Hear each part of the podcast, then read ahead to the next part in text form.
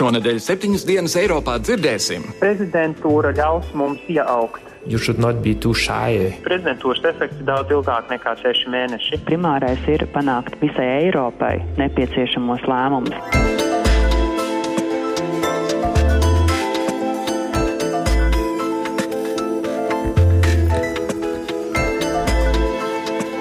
Labdien, godējumie klausītāji! Latvijas radio studijā Kārlis Streips klāt jauns septiņas dienas Eiropā raidījums, kur sakojam Eiropas un pasaules notikumiem, stāstot, kā tie ietekmēs mūs tepat Latvijā.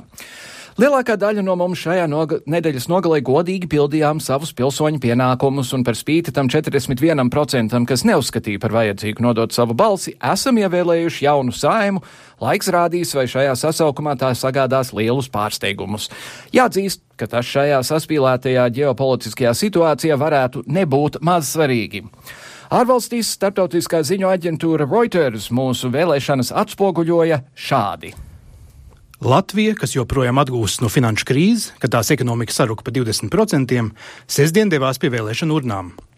Priekšvēlēšana kampaņa dominēja drošības jautājumu un situāciju Ukrainā. Daudzi baidījās un baidās, ka krievalodīgo kopienas Latvijā un Baltijā varētu kļūt par ģeopolitiskiem bandiniekiem, ar ko Putinam iespējams manipulēt, lai destabilizētu situāciju reģionā. Maskava jau sen uztur spriedzi, sūdzoties par etnisko krievu tiesību pārkāpumiem Baltijā. Uzvarēja centriski labajā koalīcija. Tādējādi atvieglot varēja nopūsties tie, kas bija noraizējušies, ka prokrieviskā partija saskaņa varētu iegūt varu un kļūt par Krievijas prezidentam Putinam draudzīgo balsi Eiropas Savienībā. It īpaši valstī, kas nākamā gada sākumā pārņem Eiropas Savienības prezidentūras grožus. Tā starptautiskā aģentūra Reuters un tik tiešām sākot ar 2015. gada janvāri latviešiem būs iespēja Eiropai un pasaulē kārtējo reizi atgādināt un apliecināt, ka šeit nav nekāda pelēka pierobežas zona, lielās kaimiņu valsts kubēģņa vai padomju savienības relikvija, bet gan moderna, attīstīta un eiropeiska valsts. Tāpēc šodien raidījumā pievērsīsimies tam, ko Latvijas prezidentūra Eiropas Savienības padomē nozīmēs, kas no tā mainīsies, kādu atbildību tā uzliek mums un galvenais mūsu tikko ievēlētajiem saviem valsts vīriem un sievām. Bet vispirms manas kolēģis Gita Siliņas sagatavotais pēdējās nedēļas galveno notikumu atskats.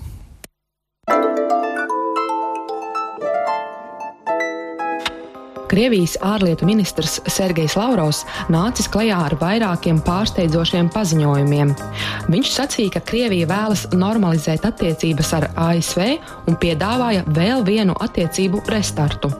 Intervijā Krievijas piektajam kanālam viņš sacīja, ka Krievija nav ieinteresēta turpināt šo sankciju karu. Мы абсолютно заинтересованы в том, чтобы эти отношения нормализовались. Mēs esam absolūti ieinteresēti tajā, lai šīs attiecības normalizētos. Ne jau mēs tās sagrāvām.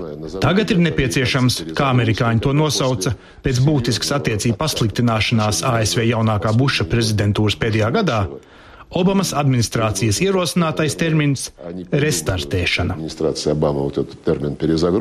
Kamēr pasaule gaida, vai Lauro teiktais rezultēsies deeskalācijā, vai arī tā būs tikai Kremļa retorika, būtisks progress pagājušā nedēļā tika panākts Ukrainas-Krievijas gāzes strīdā. Ukraina līdz oktobra beigām plāno samaksāt 2 miljardu dolāru lielo parādu par līdz šim saņemto gāzi, bet līdz gada beigām plāno Krievijai samaksāt vēl miljardu. Pretī Krievijas gāzes koncerns Gazprom pauda gatavību Ukrainai ziemā piegādāt 5 miljardus kubikmetru gāzes, skaidro Krievijas enerģētikas ministrs Aleksandrs Novaks. Сегодня был сформулирован нами совместно с Еврокомиссией Šajā risinājumā ir sagatavota ziemas pakete, kas tiks ņemta par pamatu esošās situācijas noregulēšanai. Kompromiss darbosies sešus mēnešus, jeb uz rudens ziemas periodu. Kompromiss panākts dažas dienas pēc tam, kad Krievija aizliedza Eiropas Savienības valstīm tālāk Ukrainai pārdot gāzi, ko tās saņem no Gazproma. Pēc tam, kad Krievija jūnijā pārtrauca tiešās gāzes piegādes Ukrainai, Kieva bija spiesta iztikt no tā dēvētā reversās gāzes piegādēm no Ungārijas, Polijas un Slovākijas. Divas valstis Maskavas spiediena dēļ jau nolēmušas uz laiku šīs piegādes apturēt. Lai taupītu resursus, daudz vietā Ukrainā jau ir pārtraukta karstā ūdens piegāde. ASV vēl par vienu soli tuvāk pietuvojusies savu karavīru nosūtīšanai uz Irāku. Prezidents Baraks Obama, kurš iepriekš tik apņēmīgi bija solījis sauszemes spēkus cīņā pret džihādistu grupējumu Islāma valsts nesūtīt, intervijā televīzijas kanālam CBS tomēr bija spiests atzīt, ka ASV izlūkdienesti bija situāciju nepietiekami novērtējuši. Mēģinot dot pretsvaru džihādistiem, ASV militārajā misijā pret grupējumu Islāma valsts aizvadītajā nedēļā pievienojās arī Lielbritānijas gaisa spēki. Jau pēc aptuveni stundas Latvijas izvirzītais komisāra kandidāts Valdis Dombrovskis tiks uzklausīts Eiropas komisijas viceprezidenta amatam eiro un sociālā dialoga jautājumos. Uzreiz pēc izvaicāšanas deputātiem būs jāpieņem lēmums, taču publiski zināms tas kļūs tikai pēc balsojuma par jaunās Eiropas komisijas apstiprināšanu 22. oktobrī.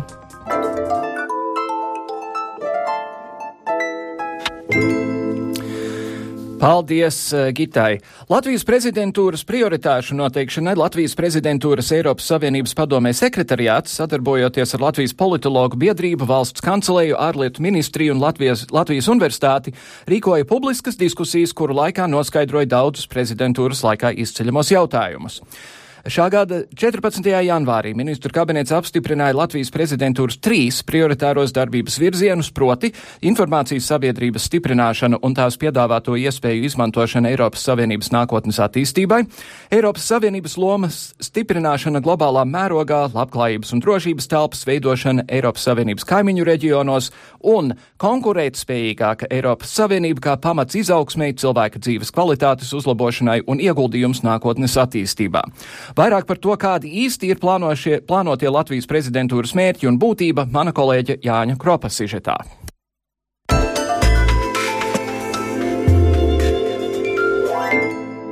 Prezidentūra Eiropas Savienības padomē ir labi sagatavots un atbildīgs posms katras valsts ikdienā.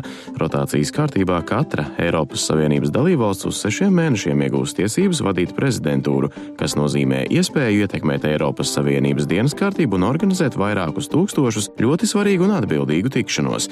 Mēdz minēt, ka prezidentūra Eiropas Savienības padomē rada arī labu ietekmi uz valsts ekonomiku, jo pusgada laikā valsti apmeklē ap 25 tūkstošiem ārvalstu viesu, kas pēc tam labprāt atgriežas arī, kad prezidentūra ir beigusies.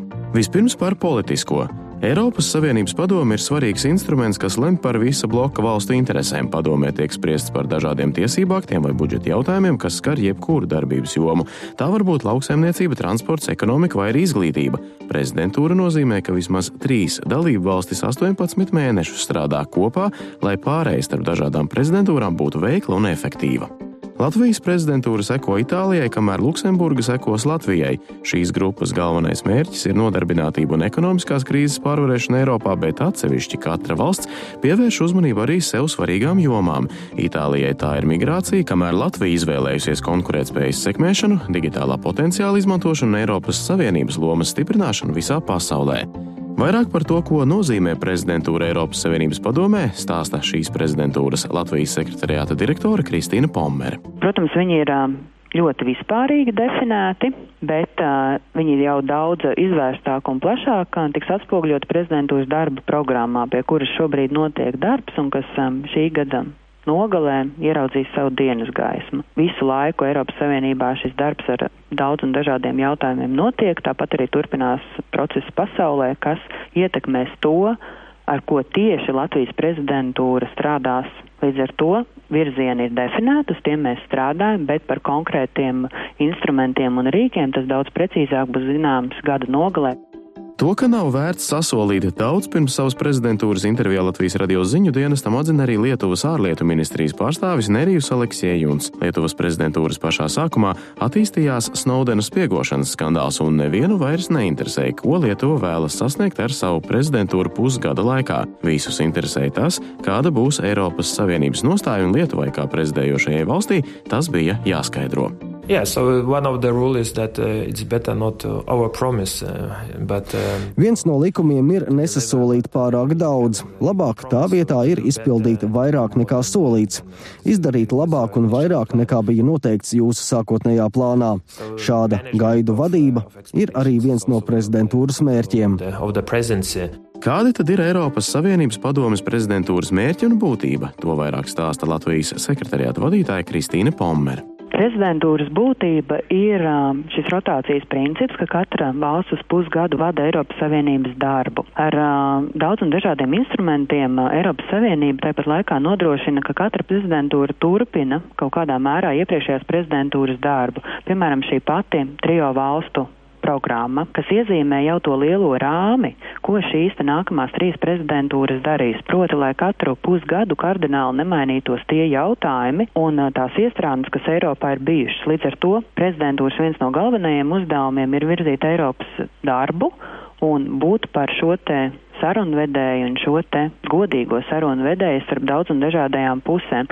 Protams, tas ir atkarīgs no katra iesaistītā profesionālitātes un meistarības, kā šo aspektu mēs spējam realizēt un cik daudz šajā mēs spējam ietērpt uh, kaut ko, kas mums ir vajadzīgs. Bet nenoliedzam primārais ir būt par šo te godīgo starpnieku un vidutāju starp visām valstīm un panākt visai Eiropai nepieciešamos lēmumus, lai turpinātos Eiropas attīstība.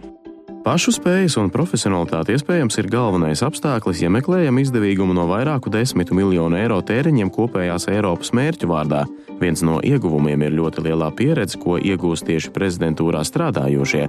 Pusgada laikā var iemācīties daudz, lai vēlāk veikli pārstāvētu valsts intereses jau citu prezidentūru laikā. Nerijus Aleksējuns arī uzsver, nevajag kautrēties. Mazām valstīm ir vieglāk pārsteigt ar savām prasmēm. Shy, the... Nesiet pārāk kautrīgi, jo sevišķi tāpēc, ka jūs esat maza un jauna dalība valsts. Savā ziņā tāpat ir priekšrocība, jo arī mūsu iespējas sākumā bija, ka citas dalība valstis negaida no jaunas nelielas dalību valsts pārāk daudz, taču mums izdevās panākt labus rezultātus, un savā ziņā tas bija negaidīti. Tāpēc jums ir jābūt pārliecinošiem un jāpieliek visas pūles, lai panāktu labus rezultātus. Un nebaidieties, ka jūs to nevarat izdarīt, jo viss ir iespējams. Lietuvas prezidentūra tiek uzskatīta par diezgan labi aizvadītu, lai arī Lietuvas mediji nedaudz gaudās, ka sākotnējie mērķi netika sasniegti. Eiropas kustības Latvijā prezidents Andris Gobiņš uzsver, prezidentūras ietekmi var izjust jau pirms pašas prezidentūras laika.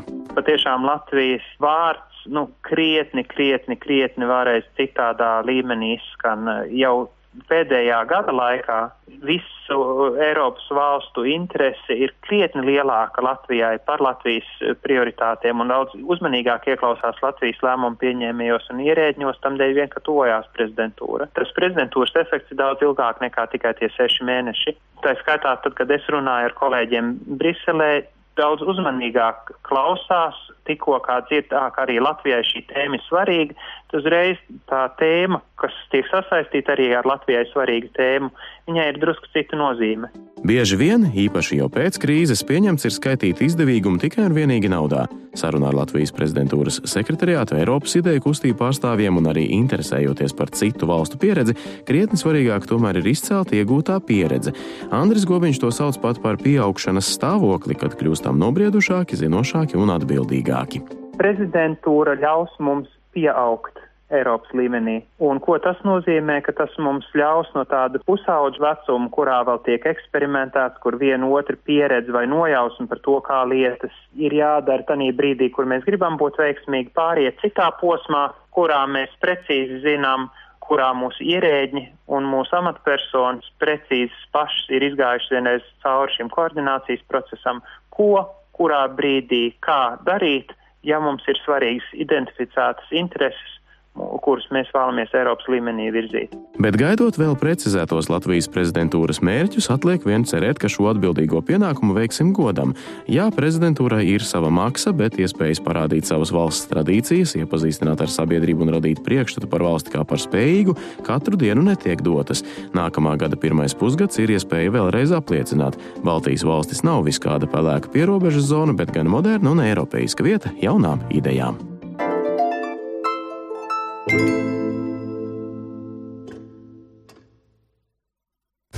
Politika.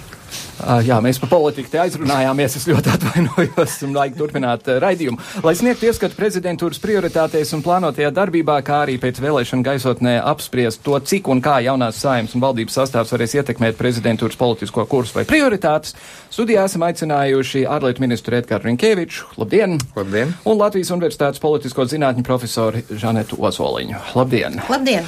Uh, ministru kungs, sāksim ar jums. Uh, acīm redzot, jūs turpināsiet būt ārlietu ministrs. Par to vēl būs saruna, bet.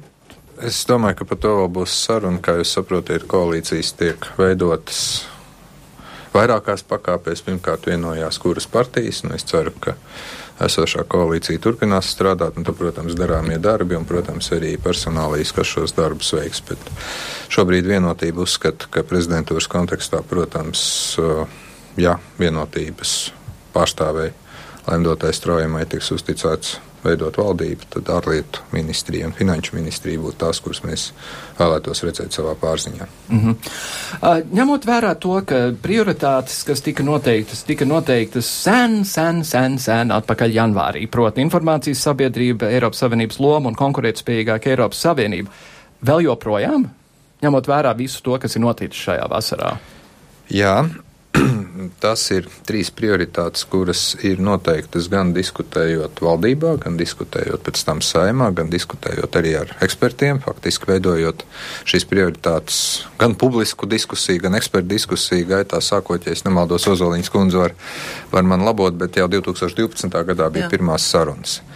Un, ja mēs skatāmies, teiksim, prioritāti, kas ir saistīta ar Eiropas ekonomisko izaugsmu, nu, tā jebkurā gadījumā būs vienmēr uh, ļoti, ļoti svarīga lieta, sevišķi ņemot vērā arī to, ka atkal Krievijas krīze tomēr atstāja zinām iespaidu gan uz Latvijas ekonomiku, gan uz citu dalību valstu ekonomiku. Informācijas tehnoloģijas, informācijas sabiedrība, informācija tehnoloģija plašāka piemērošana Eiropas Savienības, teiksim, gan publiskajā pārvaldē, gan ekonomikā tā pati par sevi arī veicina faktiski. Uh, visu Eiropas Savienības ekonomikas attīstību, nu, un Eiropas Savienības stiprināšana globāli un reģionāli patiesībā sakot, lielā mērā tieši arī ietver visu to paketi, kas attiecās uz uh, gan notikumiem Ukrainā, gan, teiksim, drošības situācijas maiņu. Neaizmirsīsim, ka mums ir divi ļoti būtiski notikumi, kurus Latvijas prezidentūra ietekmēs tieši. Viens ir uh, Eiropas Savienības austrumu partnerības samits Rīgā maijā, kur ļoti daudz tiks runāts arī par to, kāda būs Eiropas Savienības tālākā stratēģija pret Ukrainu, pret uh, tiem notikumiem, kas tur notiek. Um, protams, arī Moldova, Grūzija. Un otrs būtisks notikums, pie kā mums ir jāstrādā, tā ir Eiropas valstu vadītāja apspriede, jeb tā saucamā Eiropadoma par aizsardzības jautājumiem. Tāpēc, ka 2015. gada pirmajā pusē ir jāizskata, cik daudz ir sasniegts kopējo Eiropas Savienības aizsardzības spēju stiprināšanā pēc analogas sanāksmes vēl 13. gada decembrī. Tā kā pēc būtības drošības jautājumi, kurā gadījumā ļoti labi ierakstās šajās prioritātēs. Mm -hmm. Profesor, vai tas nav drusku ironiski, ka par informācijas sabiedrību un tehnoloģijām vadīs sarunu valsts, kura nu pat pirms pāris dienām bija vēlēšanas ar lieliem plāķiem, papīru un zīmuļiem un, un visu ne tādu moderno, un piedāvām šodien uzzinot, ka problēma ar Minhenes iecirkni ir, ka Minhenes iecirknim vispār nav interneta pieslēgumu. Nu, tas, ka Minhenes iecirknim nav interneta pieslēguma, tas nevis atspoguļo Latvijas atpoliciju, bet iespējams viens otrs Eiropas Savienības dalību valsts nespēja sekot līdz tam straujam uh, IT izrāvienam, kas ir bijis uh, Baltijas valstīs. Es domāju, ka daudz Latvija atcerās, ka, uh, piemēram, mēs, kad sākām apgūt savus e-prasmes, tad mēs sākām to darīt uzreiz ar ļoti moderniem datoriem, un mēs jau uzreiz bijām veselu paudzu priekšā varbūt tiem, kas attīstījās tādā normālā veidā. Es nedomāju, ka tas ir ironiski. Latvija ir ļoti daudz ko piedāvāt, un Latvija daudz ko tik tiešām pēdējos gados paguvusi darīt, bet, pa, paveikt. Bet es gribētu varbūt vēlreiz papildināt to stāstu par tām prioritātēm, ka tās prioritātes jau nav tikai valdības vai tikai parlamenta izauklētas. Viņas tik tiešām ir veidojušās ilgu diskusiju gaitā. Un, piemēram, tā pati digitālā dienas kārtība un viss, kas ir saistīts ar IKT lietām, tas nav ministriju vai, vai kādu politiķu murks, piemēram, ja, bet tas ir tik tiešām arī pašas nozares, šīs nozares pārstāvju biznesa, ja, lobija grupu ļoti intensīvs darbs, lai savienotu kopā tās intereses, kas mums šeit ir Latvijā, bet tomēr ņemt vērā arī to dienas mm. kārtību, kas ir Eiropas Savienībā. Un tas ir ļoti būtiski, ka Latvijas prioritātes nav tikai un vienīgi Latvijai svarīgas, bet viņas ir tādas, kas rezonē gan dalību valstīs, gan arī Eiropas Savienības institūcijās. Un vēl jau vairāk es domāju, ka mums ir ļoti paveicies ar šo jauno Eiropas komisijas kompozīciju. Es domāju, konceptuāli, jā, nevis personālijām, bet to veidu, kā tas ir e, izveidots. Jā. Jo šeit tik daudz nav runa par to, ka būtu tādi nošķirti kabineti, e, katrai nozarei savs šauriņš kabinetiņš un nerunā ne ar vienu, ne pa labi, ne pa kreisi, bet te jau ir tik tiešām nu, tā plašā horizontālā saikne no vienas nozars uz otru, un tur e lietas praktiski visur ir klāt. Var ņemt jebkuru nozari, vai tā būtu veselība, ja, vai tā būtu uzņēmē darbība, vai tās būtu finanses, izglītība, pētniecība, nu praktiski visur, ja, un līdz ar to arī Latvijai definējot šo digitālo jautājumu kā vienu no savām prioritātēm, ir iespēja zem tās jumta palikt apakšā ļoti daudz citas tēmas. Un arī zem jēdzienas lomas stiprināšana un konkurētspējīgāk. Tur var būt, būt visāds lietas. Ministra kungs, ja es pareizi saprotu, viena lieta, ko nozīmē prezidentūra, ir, ka tad, kad eh, pulcēsies Eiropas Savienības ārlietu ministri, jūs, būs, jūs vadīsiet sapulci, jā? Un tāpat citās jomās. Negluži tieši te ir neliela atšķirība starp ārlietu padomi un citām nozaru padomēm. Tieši ārlietu ministru sanāksmes parasti vada augstā pārstāve ārlietās. Pašlaik tā ir Aštons kundze tieši šodien kopā ar mūsu pašu kandidātu Valdu Dombrovski tiek uzklausīta arī Federika Mogherini, Itālijas ārlietu ministra, kur varētu kļūt par augsto pārstāvi. Tajā pašā sapulcē vai viens vispār? Eiroparlamenta, Eiroparlamenta noklausīšanās procedūrā, es nezinu, kurš pirmais, kurš otrais, bet mm -hmm. tieši šodien šī noklausīšanās notiek. Tātad dienas kārtība ārlietu padomēm sagatavo augstā pārstāve sadarbībā ar prezidentūras valsti. Savukārt visas pārējās nozaru padomas un vispārējo lietu padomu, kur Latvija arī pārstāv ārlietu ministrs, tātad sagatavo attiecīgi prezidentūra. Mm. Protams, sadarbojoties ar attiecīgo komisāru, ar Eiropas parlamenta komitejas vadītāju, ja teiksim, tā ir kāda īpaša nozara. Bet, principā, jā, pamatā dienas kārtību gatavo apspriežamos jautājumus attiecīgi sagatavo prezidentūru kopā ar komisiju, kopā ar padomjas ģenerālsekretariātu un arī dažreiz ar parlamentu. Un to es jautāju tādā kontekstā, un to es jautāšu jums, profesor, jo es nelūkšu ministru komentēt savus kolēģus politiķus, bet tādā gadījumā izmisīgi svarīgi tomēr ir, kas ir mūsu ministrs attiecīgajā jomā, un te es domāju konkrēti par kādreizējo uh, lauksaimniecības ministru, kurš stājoties amatā atklātā tekstā teica, ka viņš neprot svešvalodas īsti tā, lai viņš varētu kaut kā, kaut kā tur darīt. Mums tagad ir Tusks, augstā amatā, kurš ir tāpat teicis, ka viņš angļu valodu īsti nesaprot. Vai tas ir, vai tas ir svarīgi? Redzat, jā un nē. No vienas puses, ja mēs skatāmies tīri formāli, ja, tad uh, Eiropas uh, Savienībā ir tieši tik uh, oficiālo valodu, cik dalībvalstu.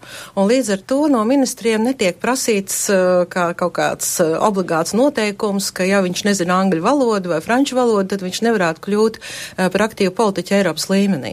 Jo tulki tiek nodrošināti un, un, un uh, mēs zinām ļoti daudzus uh, ministrus, kas runā savā uh, dzimtajā valodā un nebūtu nemocās ar sliktām svešvalodu zināšanām. Arī Eiropas parlamentā mēs redzam, ka Eiropa parlamenta deputāti uzstājās savās dzimtajās valodās. Līdz ar to, nu, no vienas puses tā liela problēma nav.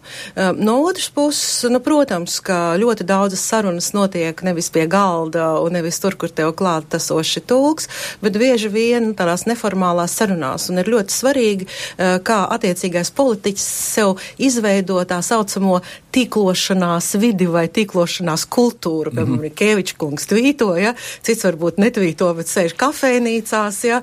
Nu, respektīvi, nevelti pat uh, Eiropas integrācijas pētniecībā, ja, tagad ir parādījies uh, jauns jēdziens, kas saucās tīklošanās spēja, ja, network capability. Mm -hmm. Un ja tev ir šī tīklošanās spēja, tad tev ir pie varas potenciāla viens punktiņš klāt, ja, un pat ir aprēķināts, kurām valstīm ir tā lielākā tīklošanās, ja, un citu šeit tiešām vecās dalību valsts ir labākas, nu, viņas vienkārši pieredzējušākas. Ja?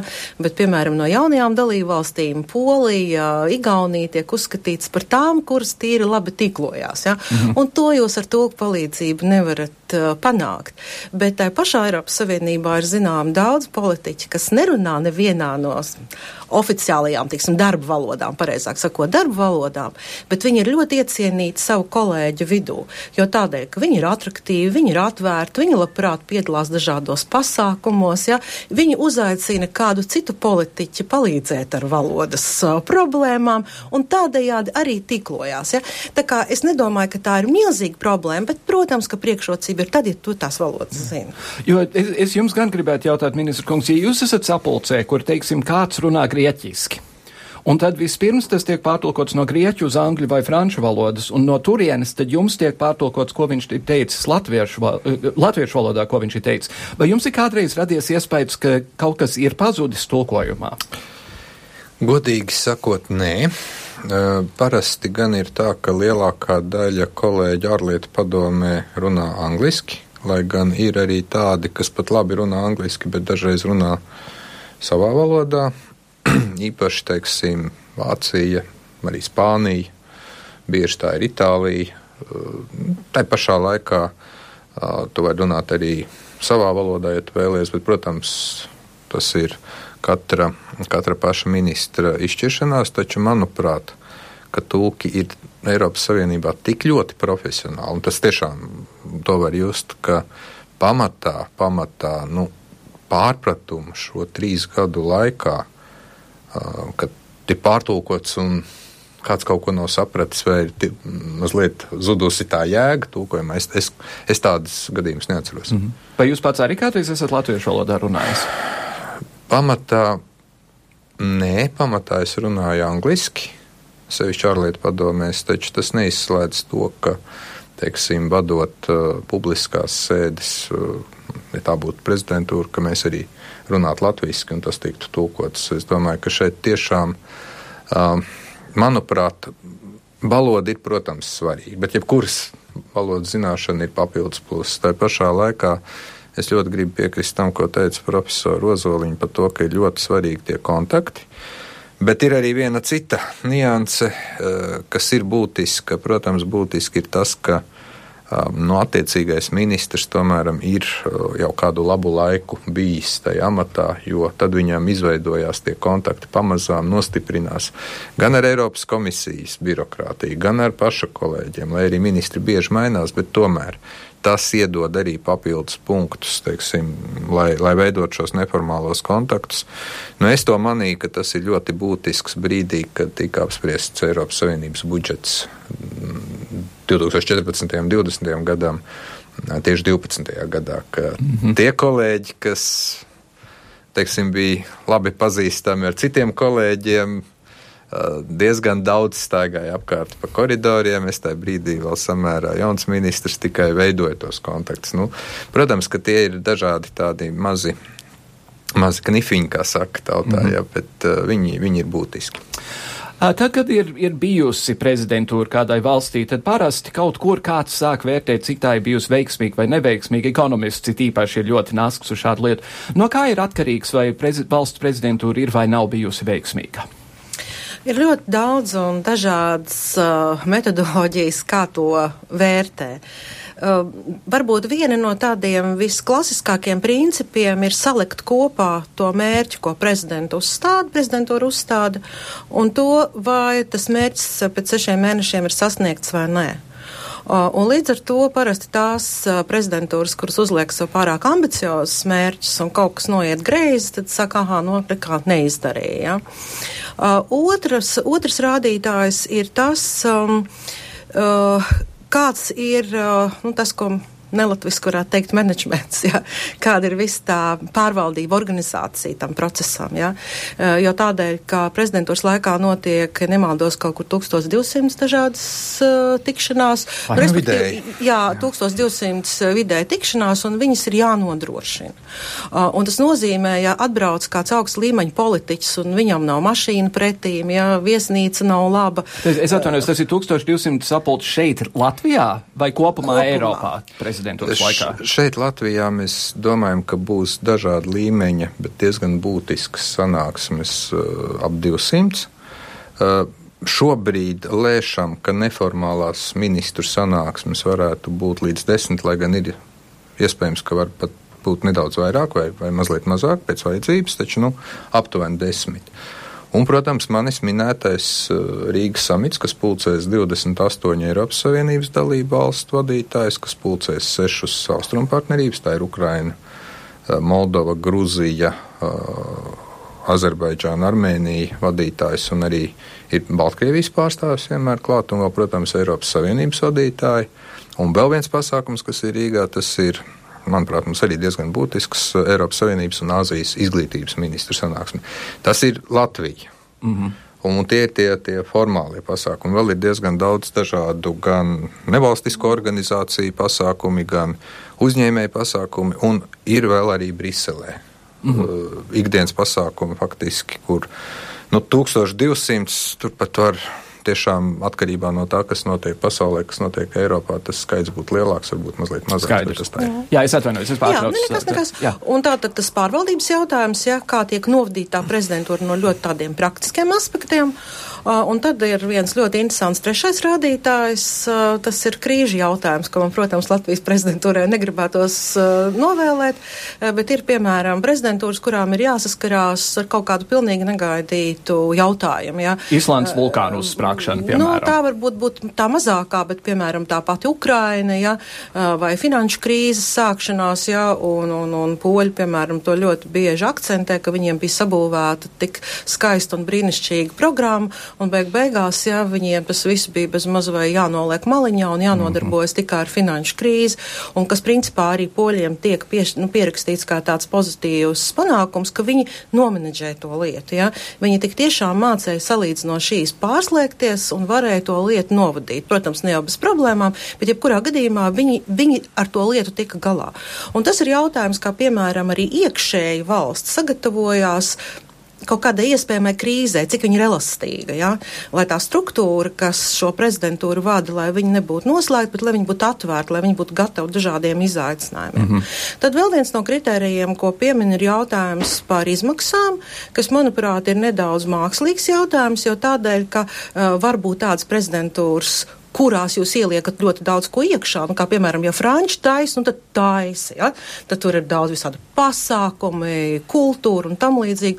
Un franču prezidentūras vienmēr ir ļoti dārgas. Ja?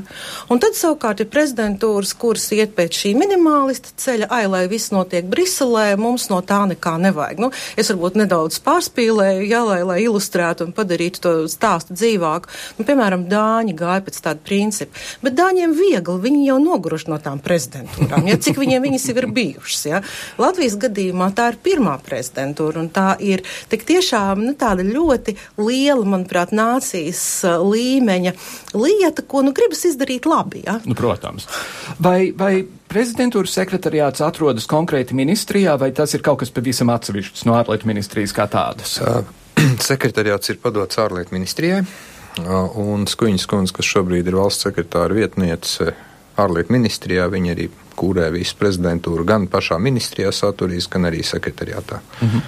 Un cik daudz cilvēki bijuši jāpieņem darbā šim, šim procesam, un kas ar viņiem notiks pēc tam, kad tās tie seši mēneši būs cauri? Uh, nu, redziet, um, mums vēl nav teiksim, tā nokomplektēts viss sekretariāts, jo patiesībā sakot, vislielākais darba apjoms, protams, būs 15. gada pirmais pusgads. Mm -hmm teiksim, tīri pašā sekretariātā. Es precīzi, laikam, nu, tā līdz vienībai uzreiz nenosaukšu, bet būs ap simts cilvēki, kuriem ir viss, ko arī Uzvaņas kundze minēja, viss, kas saistās ar loģistiku, transportu, automašīnām, koordināciju, nu, dažāda veida, teiksim, arī pasākumiem, kas saistās ar kultūras pasākumiem. Un tad Protams, ka liela daļa no šiem cilvēkiem labi zina, ka tas ir tāds kā projekta darbs. Mm -hmm.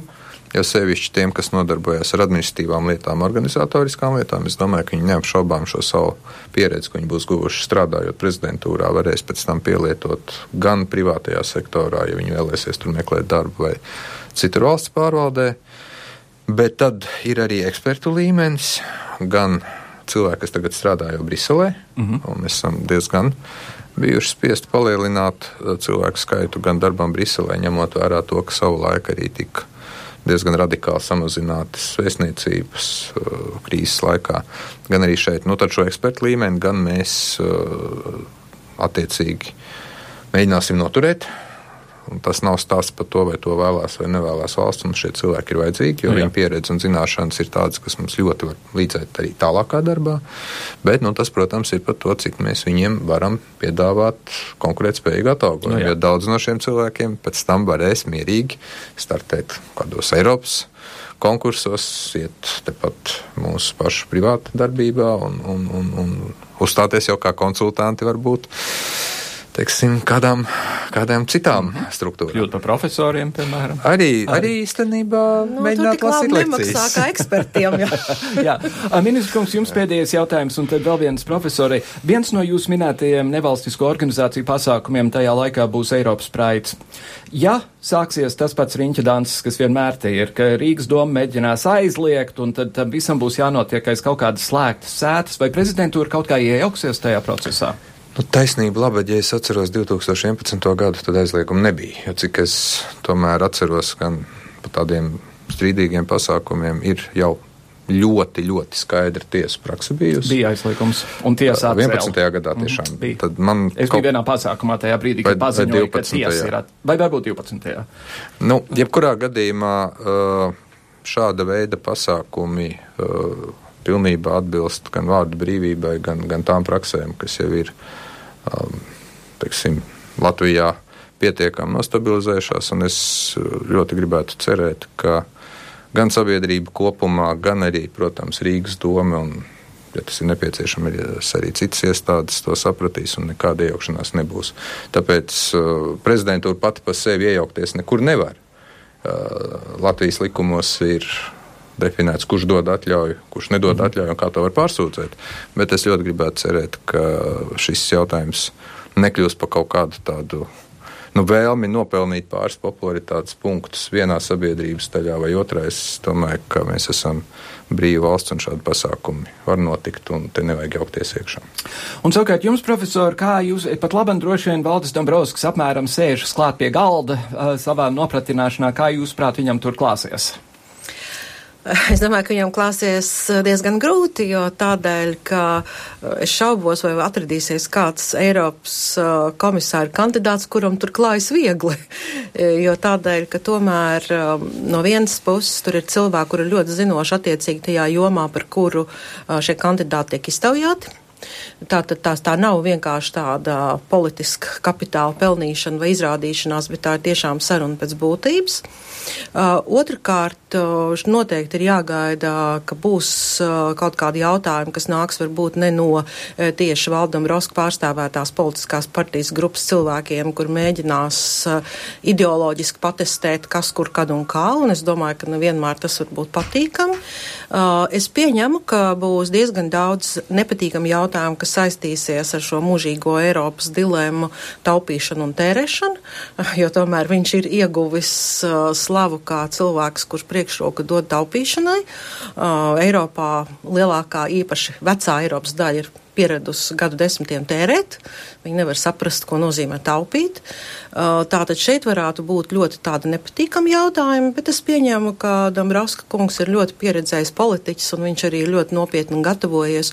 Un es pieņēmu, ka visu to, kas attiecās uz, uz, uz sociālo jautājumu paketi, viņš ir izstudējis gana nopietni un varēs arī profesionāli atbildēt. Un es domāju, ka viņam arī ir vēl viena ļoti liela priekšrocība, laikam, viņa tiešām nu, tāds iekšējais miers, kas ļauj savaldīties un varbūt nereaģēt uz vienu uh, otru emocionālu izlēcienu un saglabāt tik tiešām tādu pragmātisku pieeju.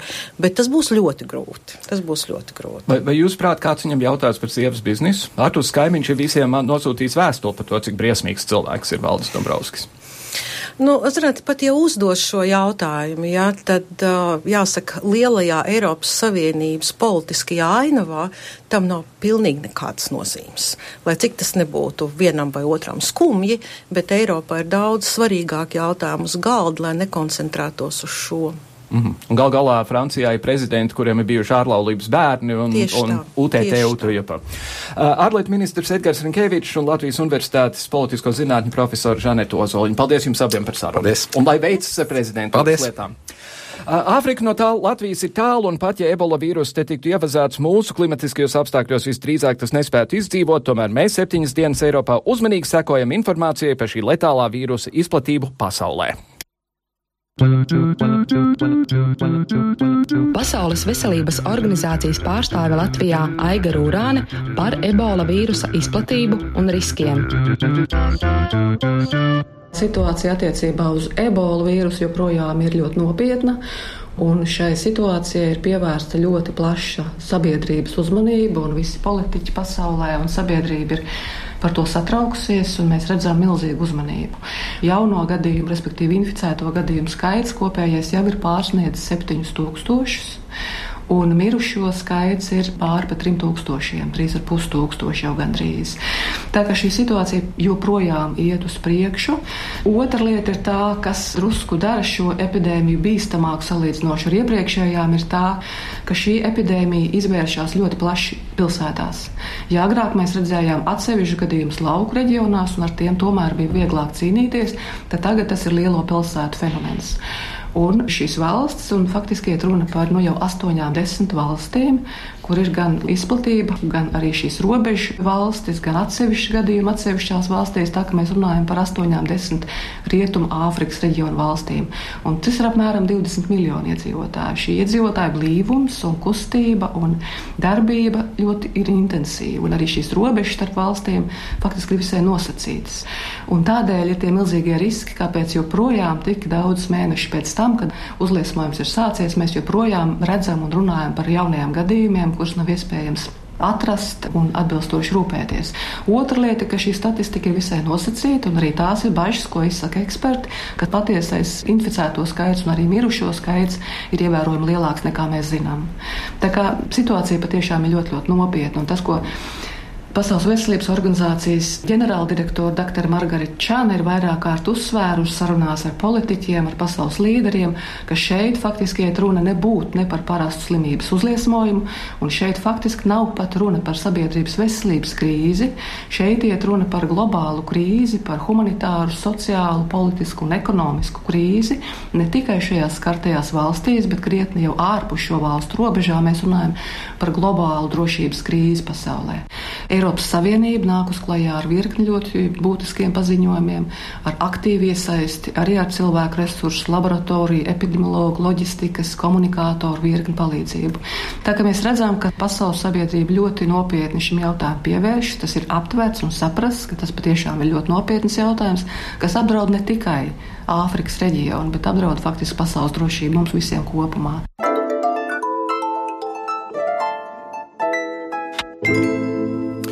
Tā bija Aiga Rūrāne, par ko gan visu mums nav mūsdienās jādomā un jāuztraucās. Kaut kāds vīrus un politiskas lietas, un, un ārā ir augsts, un ārprāts, ārprāts, ārprāts. Ar to arī izskan mūsu šīs dienas septiņas dienas Eiropā raidījums. Nobeidzot, es gribētu teikt, mēs runājām ar ministru par to, ka ir svarīgi, lai ir ministri, kas kaut ko saprot, tad, kad viņi vadīs Eiropas, uh, Eiropas Savienības prezidentūru.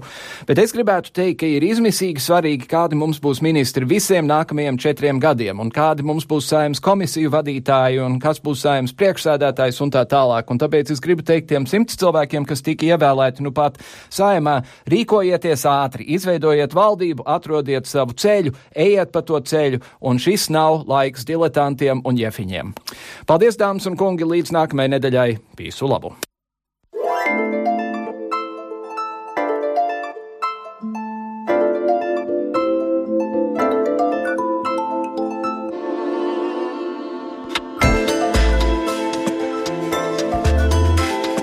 Raidījumu veido Kārlis Streips, Gita Siliņa un Jānis Krops. Producents Lukas Rozītis.